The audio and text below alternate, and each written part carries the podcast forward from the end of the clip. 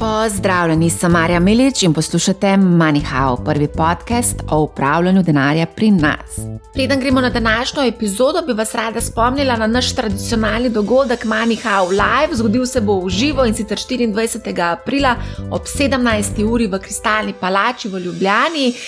Program je kar pester, zanimivi so tudi gosti. Lansko leto smo denimo na okrogli mizi umetni inteligenci analizirali veličastnih sedem ko ta besedna zveza mogoče niti ni bila a, tako pogosto na jezikih malih vlagateljev. Letos pa bomo odgovorili z vrhunskimi strokovnjaki na sedem ključnih vprašanj, ki bodo oblikovala naslednje desetletje. Pogovarjali se bomo tudi um, o tem, kaj trgovalne platforme in inovacije uh, prinašajo slovenskim vlagateljem, ter kje se skrivajo pasti. Spremljamo seveda tudi Ljubljansko borzo in dogajanje na Ljubljanski borzi, um, seveda tudi po zaslugi ljudske obveznice uh, je zdaj tam mogoče malce bolj živahno, kaj se dogaja, katere delice bi lahko bile zanimive za naše portfelje. Odgovorili bomo pa tudi na vprašanje, kako do več 100 evrov uh, mesečnih prilivov iz dividend. Mislim, da bo kar precej zanimivo, vabljeni, da se nam pridružite. Eh, v današnji epizodi gostim zelo zanimivo sogovornico Nataša Williams. Nataša živi in dela v Londonu, ukvarja se z naložbenim svetovanjem individualnim vlagateljem oziroma tako imenovanim wealth managementom. Je soustanoviteljica in glavna izvršna direktorica družbe Kadro, kjer upravljajo premoženje posameznikov in družin s sodobnimi prejemi. Pozdravljeni. Živijo, dober dan, dobro jutro, Marja. Dobro jutro. A kar greva na, um, na en tak uvodno vprašanje, bova šle. No? Kako je živeti na otoku in delati v finančni panogi za bogate posameznike? Super, hvala. No, na otoku jaz živim zdaj že več kot 30 let in um, otok ima pač en svoj specifičen ritem tukaj. Um, posebno v Londonu, ki je pač ena večjih metropol uh, na zahodnem svetu, je velik pretok ljudi, informacij, uh, dogajanj, tako da je tukaj življenje kar z enim velikim tempom.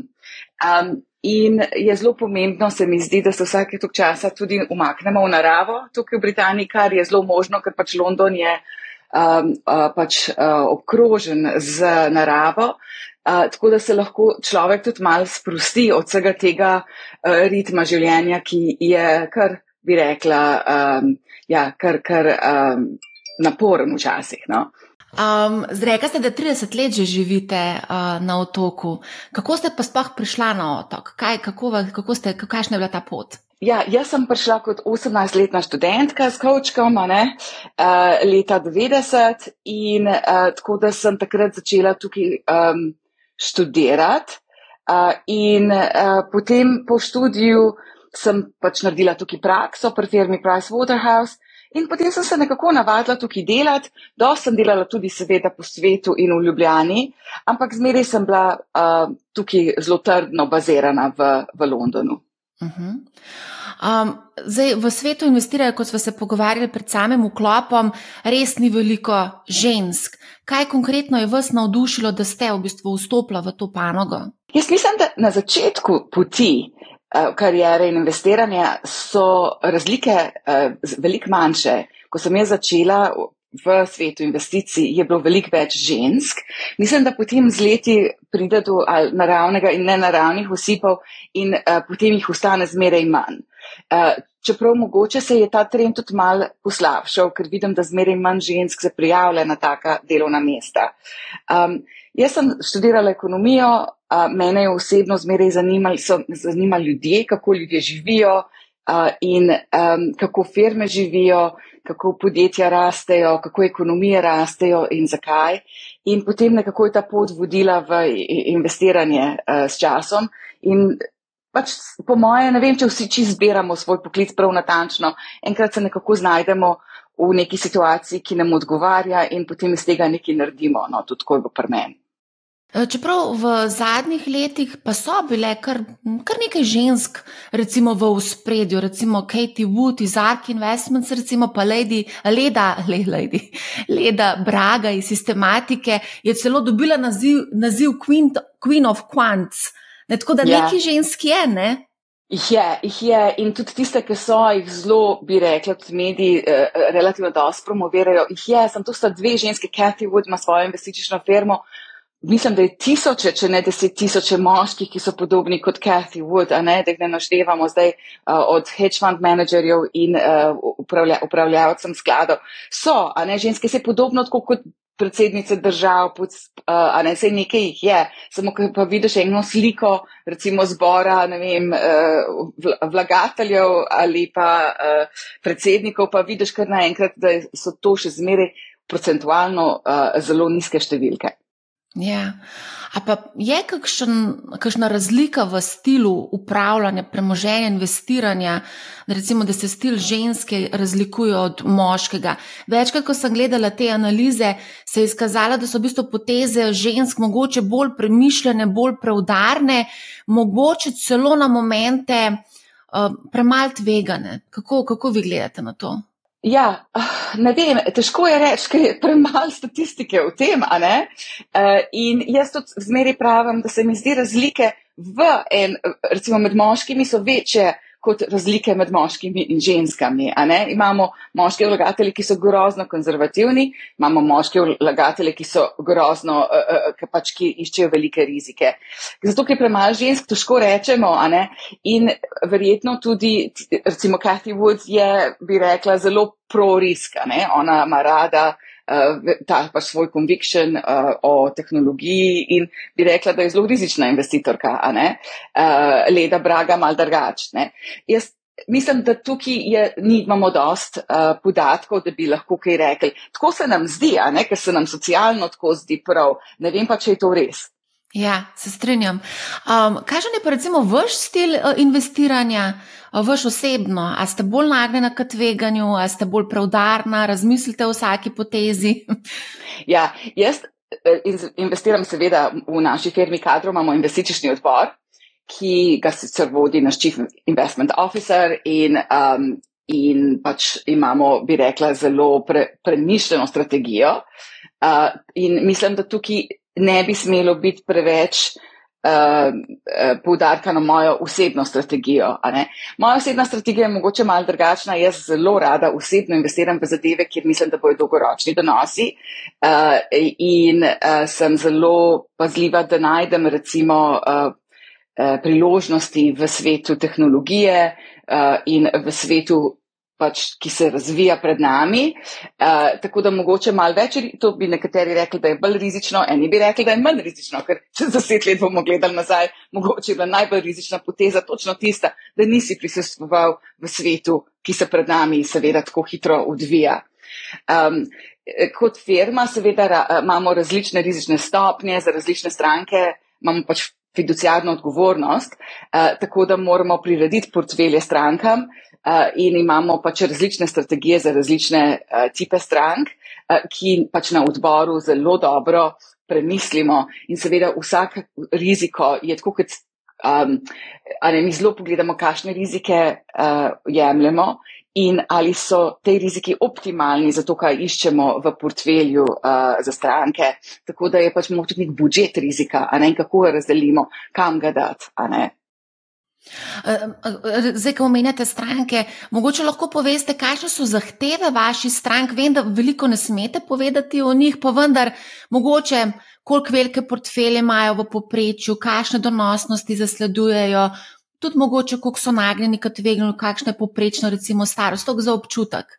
Ja, lejte, moram reči, da je to zelo različno. E, stranke so ponovadi relativno velike, pa nas sem se zmeri ukvarjala z, bi rekla, bolj premožnimi strankami tukaj v Britaniji in uh, je pa zelo različno, uh, zdaj kakšni so to portfelji, ali to, uh, ne, so zelo veliki, malo manjši, tukaj so neki pragi, eh, pod katerimi uh, je mogoče tudi težko našo investicijsko politiko izvesti.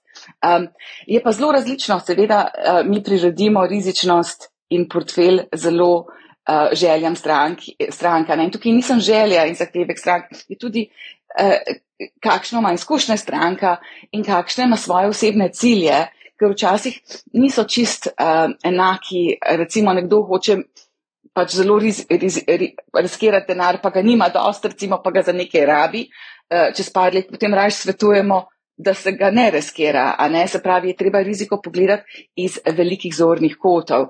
Potem so pa seveda temu primerni donosi, a ne manj ker se pač nekako riskira denar in riskira tukaj tudi volatilnost, koliko to gor pa dol gre letno, ne, ne sem tukaj, ki je res rizično, da nekaj izgubiš na konc, ampak se gre koliko pač.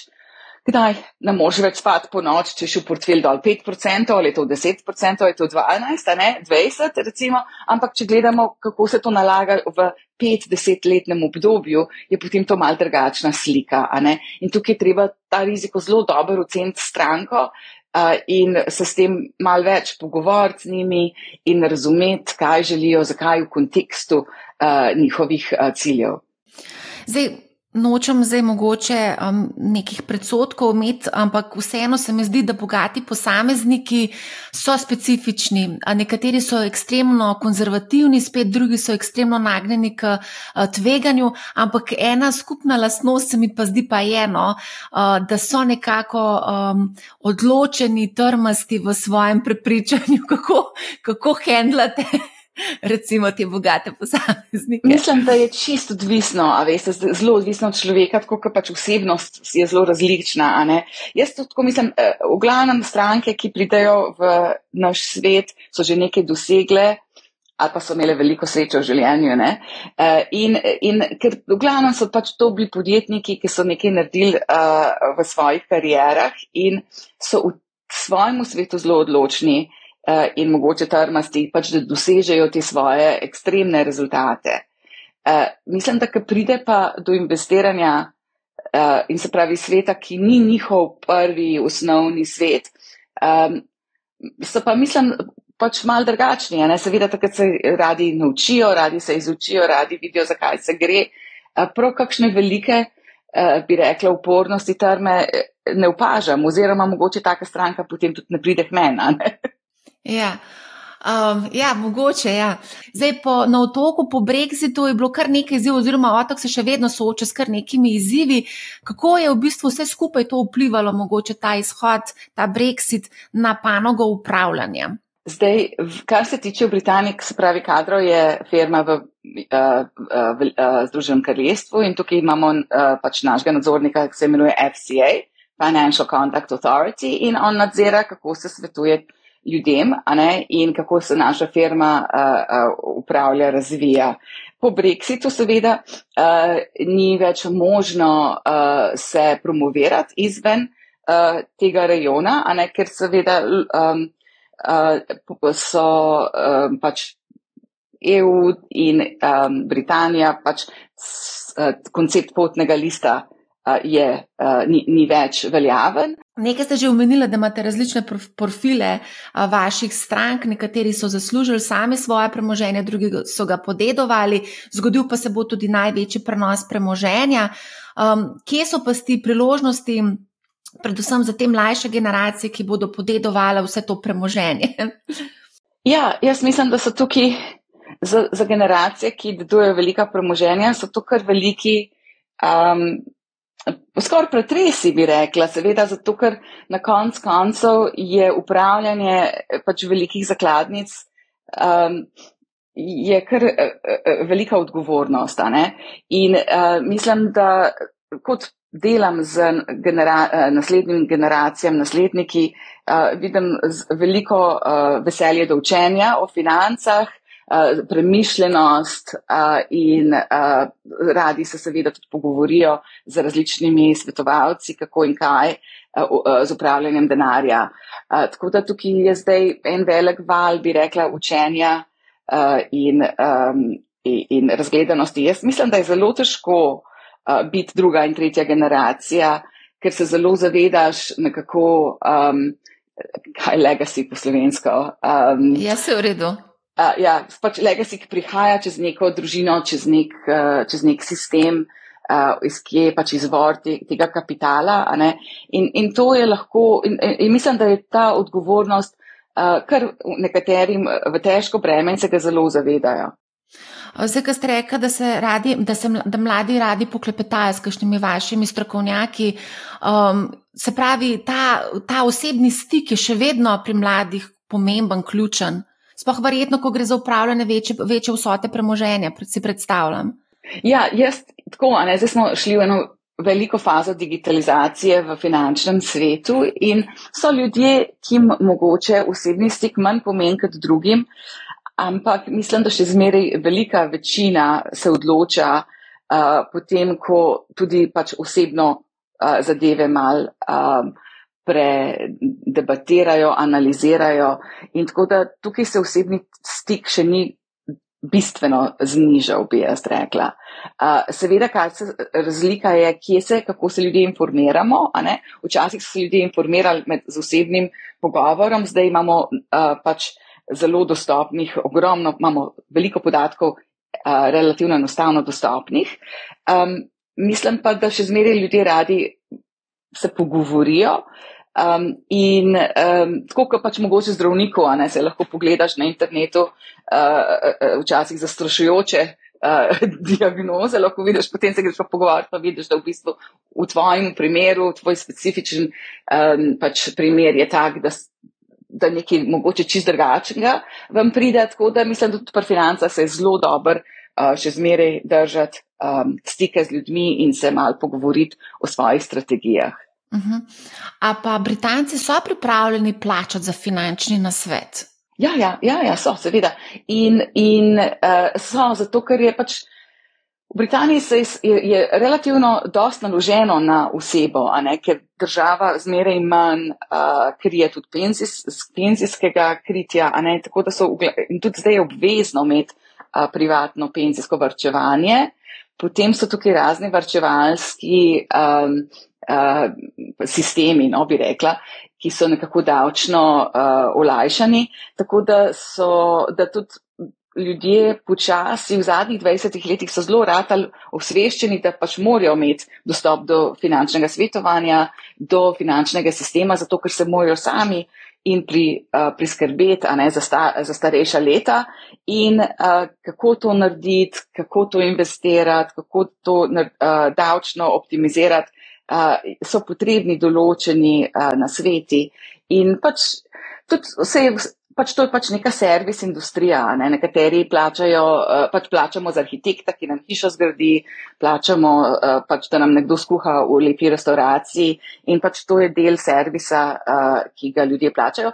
Je pa to relativno kompet, competitive industrija tukaj, no, kako je to prava beseda, konkurenčna yeah. industrija. Tako da pač tudi konkurenca zelo diktira uh, um, cene. Zdaj vem, da smo imeli tukaj bila ena velika finančno svetovalna firma, ki je očitno preveč računala strankam in je to pošlo malo časopise. Imela firma zelo velike probleme, izgubila v strank in je mogla cene prirediti, zato da so bile primerne cene drugim ponudnikom.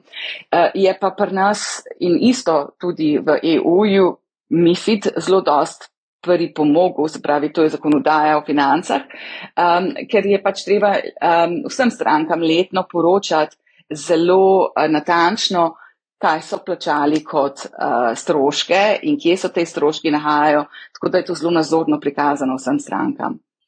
Ja, finančno svetovanje na otoku si predstavljam, da je v bistvu neka regulirana panoga, uh, spoh, ko govorimo o neodvisnih finančnih svetovalcih. Ne? In mislim, vsi so regulirani, a ne vsak, ki se ukvarja s financami, je reguliran iz strani FCA. Je bilo to vprašanje? Ne, zato ker pri nas konkretno recimo, obstaja cel kup nekih neodvisnih, mislim, neodvisni, niso neodvisni, ker vse en konc koncev tržijo produkte nekih finančnih inštitucij in so zato tudi plačani, dobivajo del provizije za to.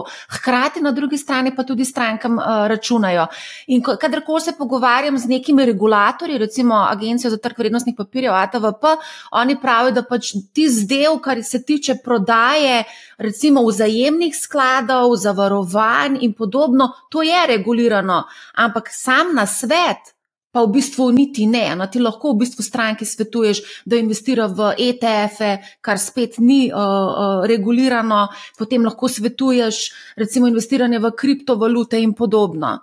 Ampak na otoku se mi pa zdi, da je to veliko bolj urejeno, ker tudi finančni svetovalci morajo dobiti neko licenco za to, da lahko upravljajo osebno premoženje stranke. Tako je. Tukaj uh, je treba licencirati firme, pač, da so kapitalsko ustrezne, da imajo sisteme in potem vse tiste, ki se strankam ukvarjajo, uh, so pač procesi, kako to licencirati in uh, kako spremljati letno njihove uh, dejanja, njihove aktivnosti in njihovo uh, kvalifikacijo kvalifikacije. Se pravi, imamo tukaj zelo striktno, recimo imamo nek CPD, Continual Professional Development, ker moramo to pa tako na leto se izobraževati, akreditirati, uh, potem je treba vsak let izdati. Um, pač certifikat vsakmu, ki se ukvarja z svetovanjem ljudi. Potem je pa tudi načine svetovanja je zelo regulirano, kaj je ker je treba ugotoviti primernost uh, in uh, suitability uh, finančnega svetovanja za vsako stranko. Uh, to se je razvil z leti, ne, ker so bili potem tudi tukaj recimo 30 let razni škandali, mi sveto, uh, pač, ki se je svetovanje bilo mogoče, kot ste vi povedala, no, in se je ta svet zelo uredil. Uh, in um, mislim, da so, ja, tukaj je tudi zakonodaja dost. Uh, pripomogla, posebno um, leta 2008, 78 je bil, pač 789 so bile tukaj velike reforme v Britaniji, kjer je prepovedano svetovalcem uh, služiti z obeh strani, ne ti, da pač stranki računaš, potem te pa še tist uh, sklad, ki si stranki ponudil, še tiste strani plačajo. To je bilo uh, takrat uh, pač. Um, prepovedano in uh, je zelo nekako učistilo finančni sistem, kar se tiče svetovanja posameznikom. Ja, to se pa pri nas še vedno dogaja. Pa še ena zanimiva zadeva je, ki sem jo opazila, mislim, da ta vaš regulator zelo aktivno dela in zdaj so celo neka nova zakonodaja, je, ker zelo natančno opazujejo te finfluencerje, se pravi vplivneže, ki v bistvu tržijo neke finančne produkte. Zelo veliko je bilo nekih prevar vezano na kriptovalute, pa tudi na druge finančne pro produkte, ki so jih tržili v bistvu vplivneži. Pri nas recimo, pri nas lahko to pač počnejo ne? in nikjer ne navedejo, da v bistvu gre za nek plačan oglas. Ne? Mm -hmm. Ja, jaz ne, ne vem, kako je pa nas, ampak tukaj seveda vsaka finančna promocija, kar se tiče oglaševanja, um, kar se tiče javne promocije investičnih uh, produktov, je uh, pač zelo regulirano. In uh, pač vsaka firma ne, ima compliance officerja, In vsako finančno promocijo more compliance officer odobriti, uh, zato da je pač nekako to primerna za, za trg. Um, kar nekako, seveda, ljudje se pritožujejo, da to zelo otežuje delo in tako naprej, ampak na drugi strani uh, pa, pa zelo varuje uh, uh, vrčevalce, investitorje uh, pred raznimi škandali. Um, Zdaj, omenila smo že parkrat kripto, oziroma se ga jaz omenila, pa me zanima, recimo, ker ste vi, vi ste profesionalni upravljalec premoženja, pa me zanima, če uh, se je upravljanje premoženja z v bistvu prihodom kripta uh, pri vas kaj spremenilo, zdaj so bili odobreni tudi promptni ETF-i, ki vlagajo v bitcoine. Kako to vključujete v stranke? Če imate mlade stranke, verjetno zelo veliko sprašujejo o kriptonaložbah, si predstavljam. Ja, Ah, mislim, da je uh, tale svet še uh, v povojih, uh, ker um, jaz tako le tisti, ki o kriptu zelo dosto sprašujejo, ga ponovadi že imajo in pač so sami se odločili investirati v kripto in so entuzijasti za pač to, bi rekla, alternativno valuto. Mogoče za njih tudi ni več niti tako alternativna. V našem svetu to je uh, pač uh, valuta, za katero ne uh, stoji nobena država, seveda, in uh, valuta, ki um, je še nobeden regulator se ni prav dobro lotil, zdaj se zelo dosti. Govarjajo tudi v Ameriki, kako bojo mogoče ta kriptosvet mal več regulirali po propadu uh, FTX-a. In um, mi pač imamo neko veliko fiduciarno odgovornost strankam, tako da wealth management ne bo prva industrija, ki bo noter v ta svet stopila. Uh, drugič pa tudi, ne, to je valuta in nekako gledamo investične politike in nalaganja. Valute za nas niso niti investicije, ne, ker nimajo neke ekonomske uh, aktivnosti odzata. Recimo, če kupiš eno delnico ne, ne firme uh, Nike pač delajo teniske, a ne, in si vemo, kako naredijo profit in kako rastejo, več ljudi kup teniske, super delnice gor, recimo, če dobro upravljajo za firmo. Uh, valute so pa drugače, ne, in imajo svoje druge uh, zakone, kako grejo vrednosti gor in dol in zakaj. In seveda kripto je za nekatere uh, uh, pač uh, prav valuta, s katero se upravljajo transakcije. Uh, na drugi strani je pa to zakladnica za nekatere. In zdaj za upravljanje transakcij, jaz če nisem videla potrebe, zakaj bi nekdo rabil uh, kripto, zakaj se ne da s klasično valuto uh, transakcije uh, dokončati kot zakladnica, uh, se pa jaz zmeri bojim zakladnic, kjer se ljudje mislijo, da je nekaj zelo dobro vredno, pa mogoče tudi ni, ker jih ne razumemo še dobro.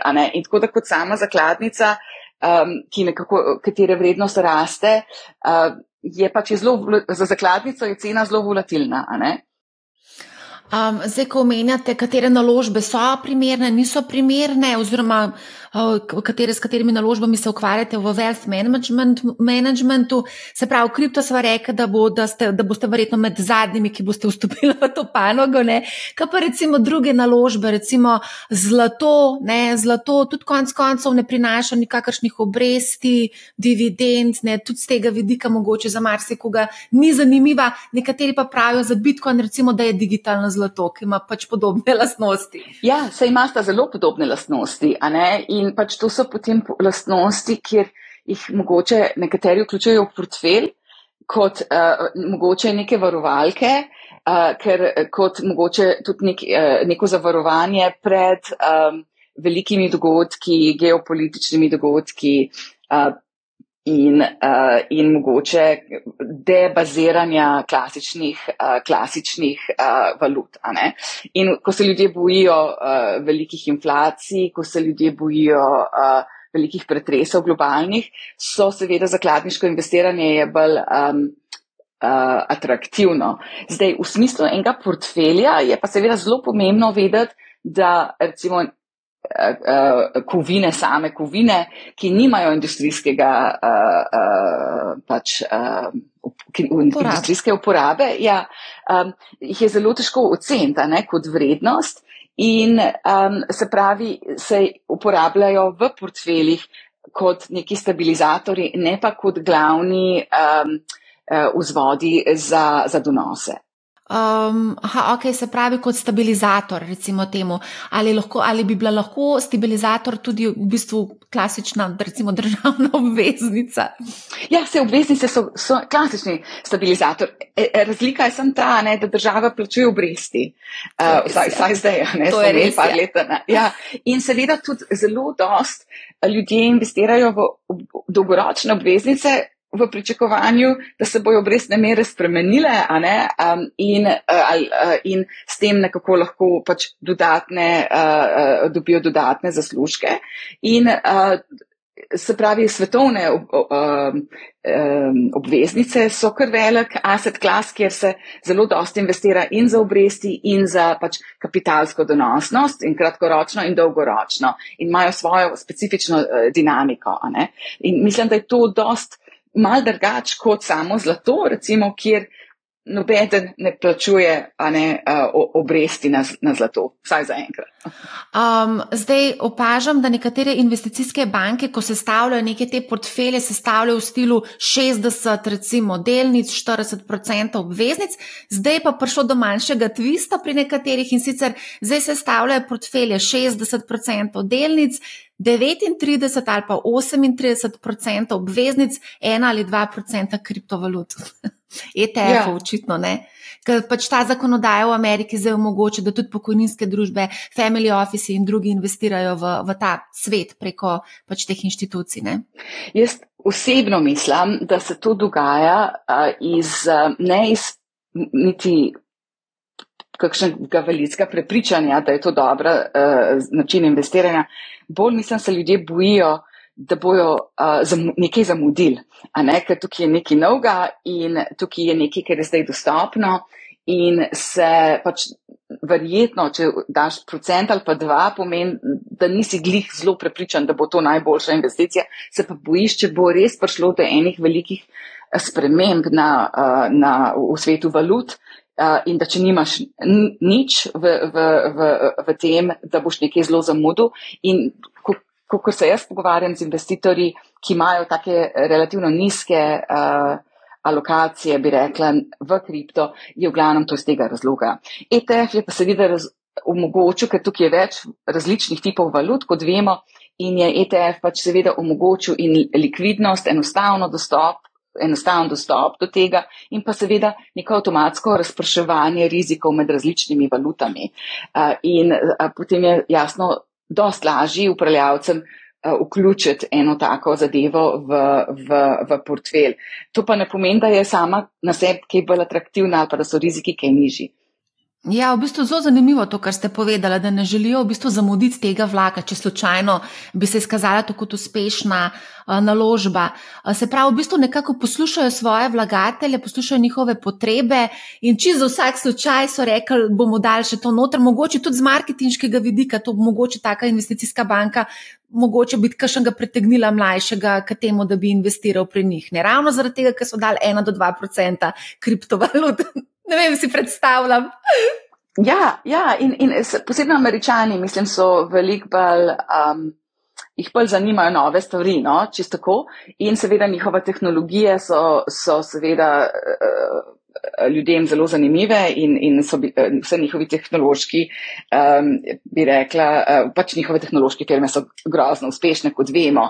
In tako da mislim, da tudi neki vlagatelji, ki so že nekaj zelo dobro zaslužili v zadnjih 20 letih v teh raznih novih trendih, imajo verjetno uh, pač dodatne uh, želje za pač en tak. Exposure. Mo mogoče so evropejci mal bolj konzervativni glede tega, uh, uh, in zelo malo poznam investitorjev, da bi prišli do nas, pa bi prav izredno prosili, če jim tole najdemo. Kot sem že rekla, tisti ljudje, ki se s tem ukvarjajo, ki so entuzijasti, so že našli svoje uh, investicije v tem svetu. In trenutno to seveda fajn zaslužili.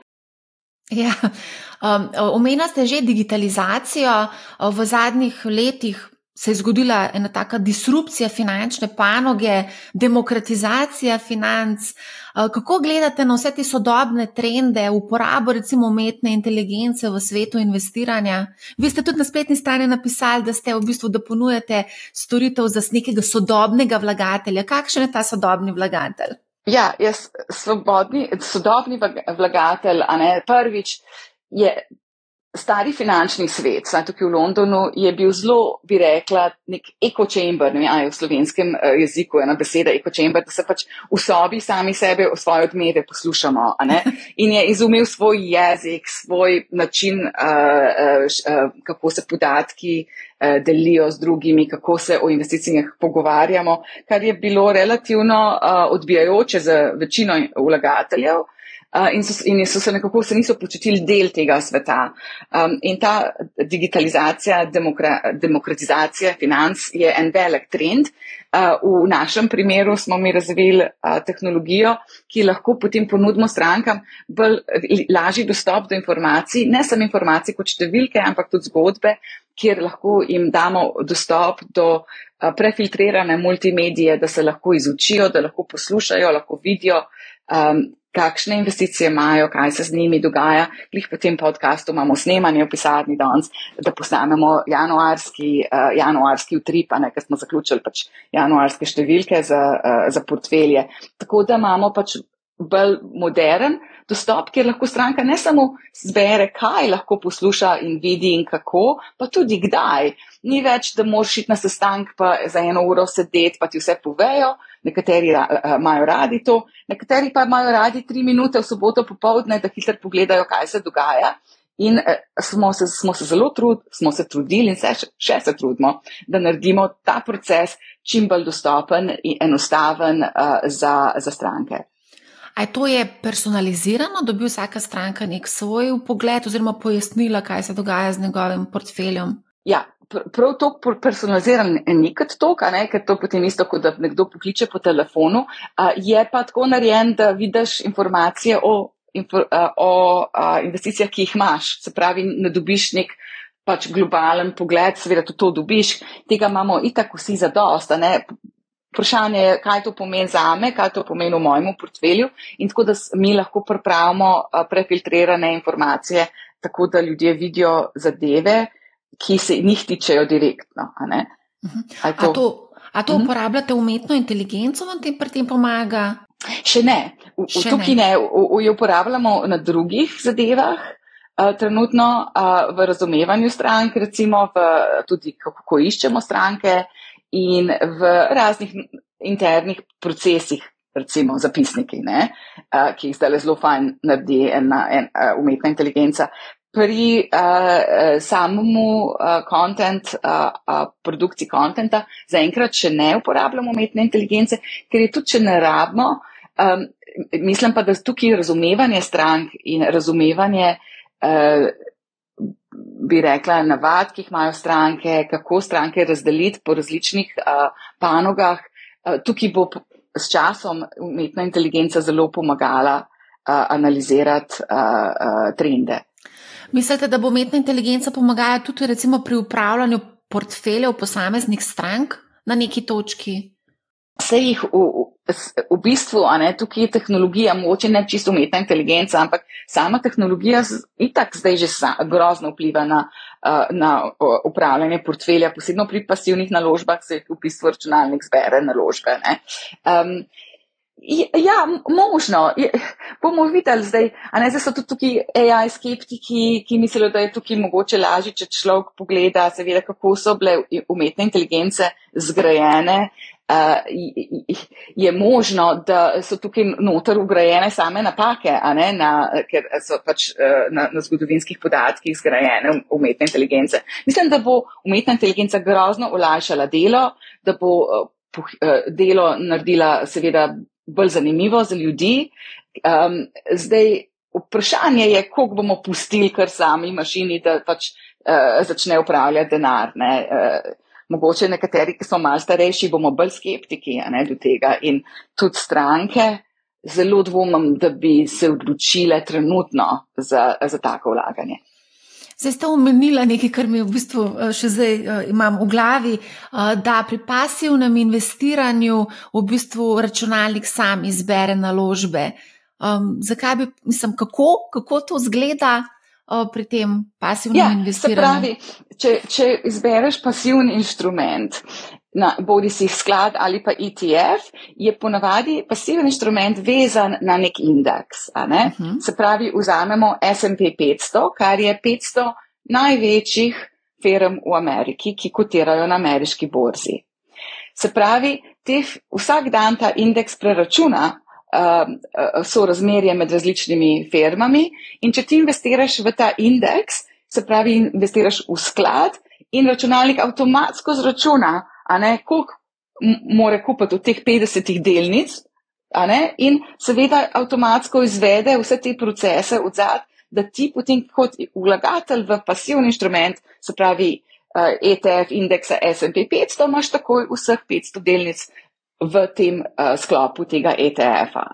In tukaj se zelo malo ukvarja. Uh, neračunalniškega, uh, uh, bi rekla, izvajanja. Ne? To se pač avtomatsko izvede. A pa ste predstaž bolj pasivnega ali aktivnega trgovanja?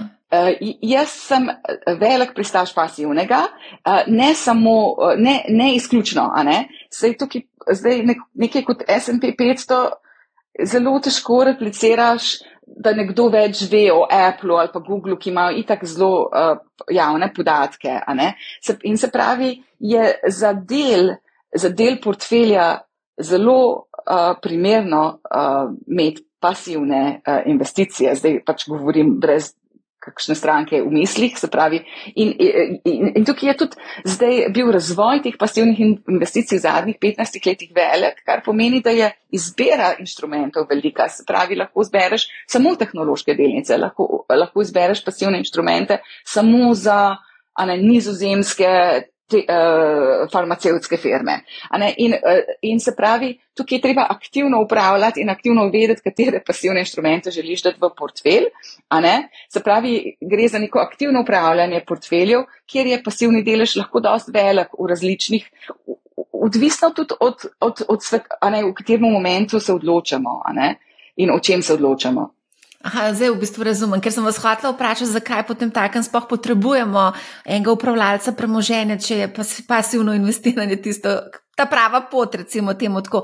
Ampak zdaj, če sem vas prav razumela, vsem upravljalec premoženja, tako kot vi, ne, v bistvu aktivno upravljate pasivne naložbe, če sem prav razumela. Ja, mi aktivno upravljamo pasivne in aktivne naložbe, a ne jih zložimo, naredimo portfelj pogledamo rizičnost, jih spremljamo, naš investicijski odbor se vsaj minimalno mesečno dobi za pol dneva, a ne vse to prežvečemo in popravimo, če treba, a ne smo imeli zdaj velike spremembe v izgledu za inflacijo, obrestne mere in je treba zelo natančno gledati portfelje, da je tudi rizičnost ustrezna. Seveda, glede na to, da namest tega, da kupimo sedem velikih delnic, recimo naših Magnificent 7, pač kupimo lahko Nasdaq ali pa SP, to je potem odločitev investicijskega odbora. Ja.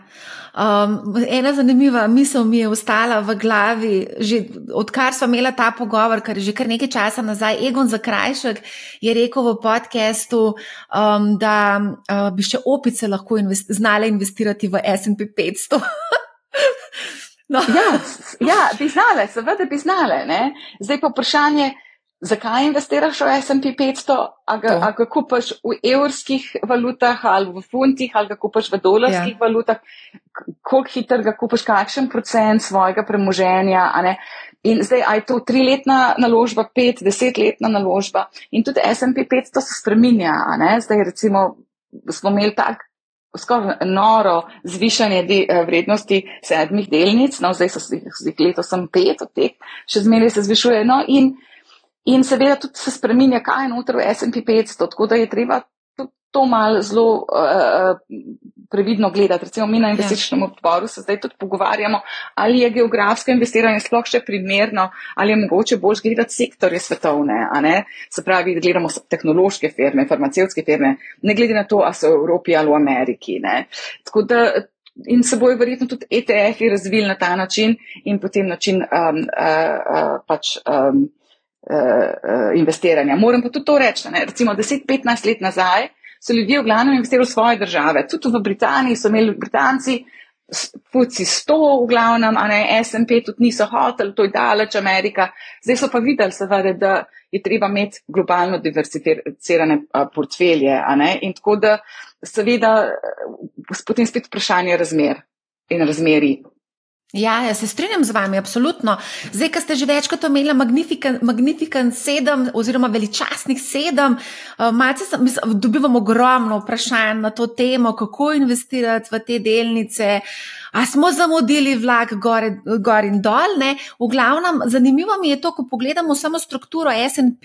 Recimo, mislim, da je preko 20% predstavlja teh sedem delnic, medtem ko v nas, da ko mislim, da je celo skoraj blizu 50 odstotkov, teh sedem delnic predstavlja 50 odstotkov indeksa. To je kar noro. Ne? Eh, glede na to, da so te, te, te, teh sedmi, sedem delnic v bistvu generiralo rast v preteklem letu, kako gledate recimo na teh sedem delnic? V letošnjem letu, ali pa mogoče naslednje leto, um, ali smo zamudili vlak, ali še čas, da investiramo v en video, ki je že tam gor nekje.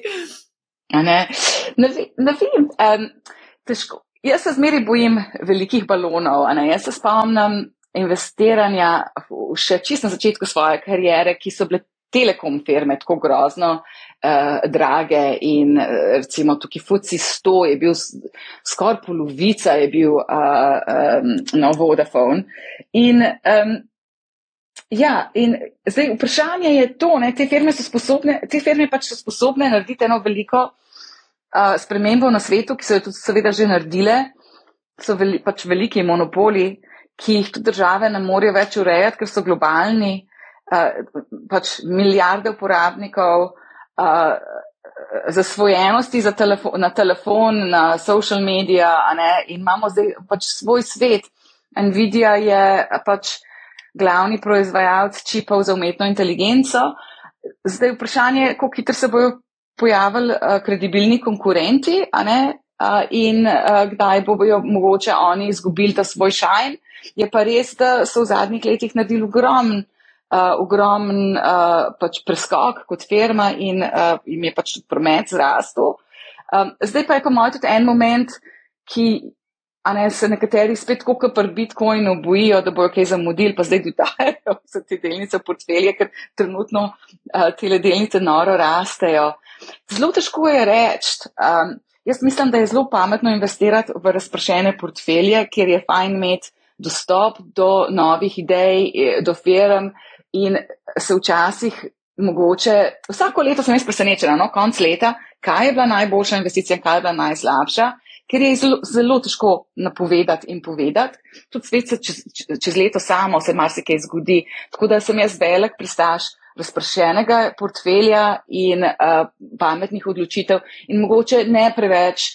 Uh, pač loviti trendov, tako le last minute, no, kot smo, kjer smo zdaj. Ja. uh, brez teh investicij pa mislim, da portfelja ne more biti. Ne? To so le firme, ki zdaj le ženejo napredek, ženejo uh, pač človeštvo, če nam je to všeč ali pa ne, ne vem. Uh, ampak je, seveda, jaz sem zdaj na Applovemu telefonu, a ne preko interneta, vi ste verjetno tudi Apple ali pa neki Google mapa zadnji, sigurno. Ne? Absolutno. Veliko zanimivih stvari ste zdaj povedali, pa bi samo mogoče, ker ste rekla, od, na odboru, na ložbenem odboru se zdaj pogovarjamo, da bi mogoče zamenjali regionalno investiranje za panožno, da bi večji fokus dal na, na panoge. Kaj pa recimo panožno, spet tukaj je IT, AI, tisto, kar je bilo v spredju, mogoče tudi zaradi geopolitičnih trend so v spredju tudi obrambne, obrambni sektor, kje še vidite priložnost recimo? In mislim, da tukaj zdaj trenutno osebno vidim dolgoročno priložnost. Ne, ne govorim, da bo to letos v uh, medicini, biologiji, farmacevtski industriji, ker so AI in kaj se dogaja z pač proteinskim vedam. Uh, tukaj se ogromno dogaja. Verjetno še ne v kotiranem svetu in to so zelo volatilne investicije, kar jih vidim ampak vidim tudi napredek človeštva v sami medicini uh, in biologiji je ogromen. Uh, vprašanje je, kako tukaj zdaj investirati. Zdaj, kaj vidimo trende na svetu, ampak kako v njih investirati, mislim, da ni zmeri. Uh, tako enostavno. Jaz tudi mislim, da infrastruktura na zahodnem svetu in vzhodnem svetu je pač um, velik val uh, investiranja v infrastrukturo in je, je ne smemo zanemariti v investicijskih portfeljih. Zelo težko pa povem, da so zdaj to kakšne dobre investicije ne? in tudi ne, ne, ne predlagam, to ni bil namen najnega pogovora. Um, je pa res, da ta naš AI, pa tehnologija, to je zdaj ne, multipano, multipanoga, ne, ker jo imamo v, v tehnologije AI, napredke, ki jih nam tehnologija pač omogoča. To nisem tehnološki sektor, ne, ne, že recimo tudi hotelirji imajo tehnologijo in tako naprej. Ja, ja, se strinjam. V bistvu vsa podjetja postajajo na nek način uh, tehnološka podjetja. Um, okay, zdaj, sva, kaj pa regija? Regija, mogoče tukaj vseeno razmišljate, glede na vsa ta geopolitična trenja. Nekateri vidijo priložnost, da je pač Evropa tista, ki bo prinesla največje donose, drugi pravijo še vedno Amerika. Potem imamo tukaj cel kup nekih volitev, vključno z Ameriko, Trump. Ne, ne vemo, ali bo ali ne bo, pa kaj bo to povzročil za svetovni mir, za svetovno ekonomijo. Letos je veliko leto za geopolitiko, ne, seveda imamo več vojn, kar trenutno, uh, velik, uh, velik uh, konfliktov in mislim, da največ volitev kadarkoli, ali več kot polovica zemlje letos voli. In um, ja, je pač svet je mal nestrpen trenutno. Um, seveda, izredno pomembno je trenutno geografsko investiranje. Posebno pač en velik. Um, razočaranje nad, mogoče nad Kitajsko, ki so pač ljudje bili veliki pristaši investiranja v Kitajsko in uh, so bili tukaj, uh, kar bi rekla, težki, uh, pač mislim, dost negativnih izkušenj investitorjem.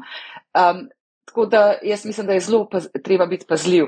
Kar se tiče Evrope proti Ameriki, je pa seveda cene delnice v Evropi cenejše relativno na, na, na, priho, na prihodke firm v Evropi kot v Ameriki, ampak je približno zmeraj tako. In uh, vsakič, ko pač pridejo veliki trendi, da moramo zdaj investirati v cenejše delnice, ampak grejo pa še zmeraj tiste ta drage balgorne. In, in je zelo težko uh, tukaj prav matematično določiti, kako investirati. Na investiranje je ogromno ljudi, tukaj je nek.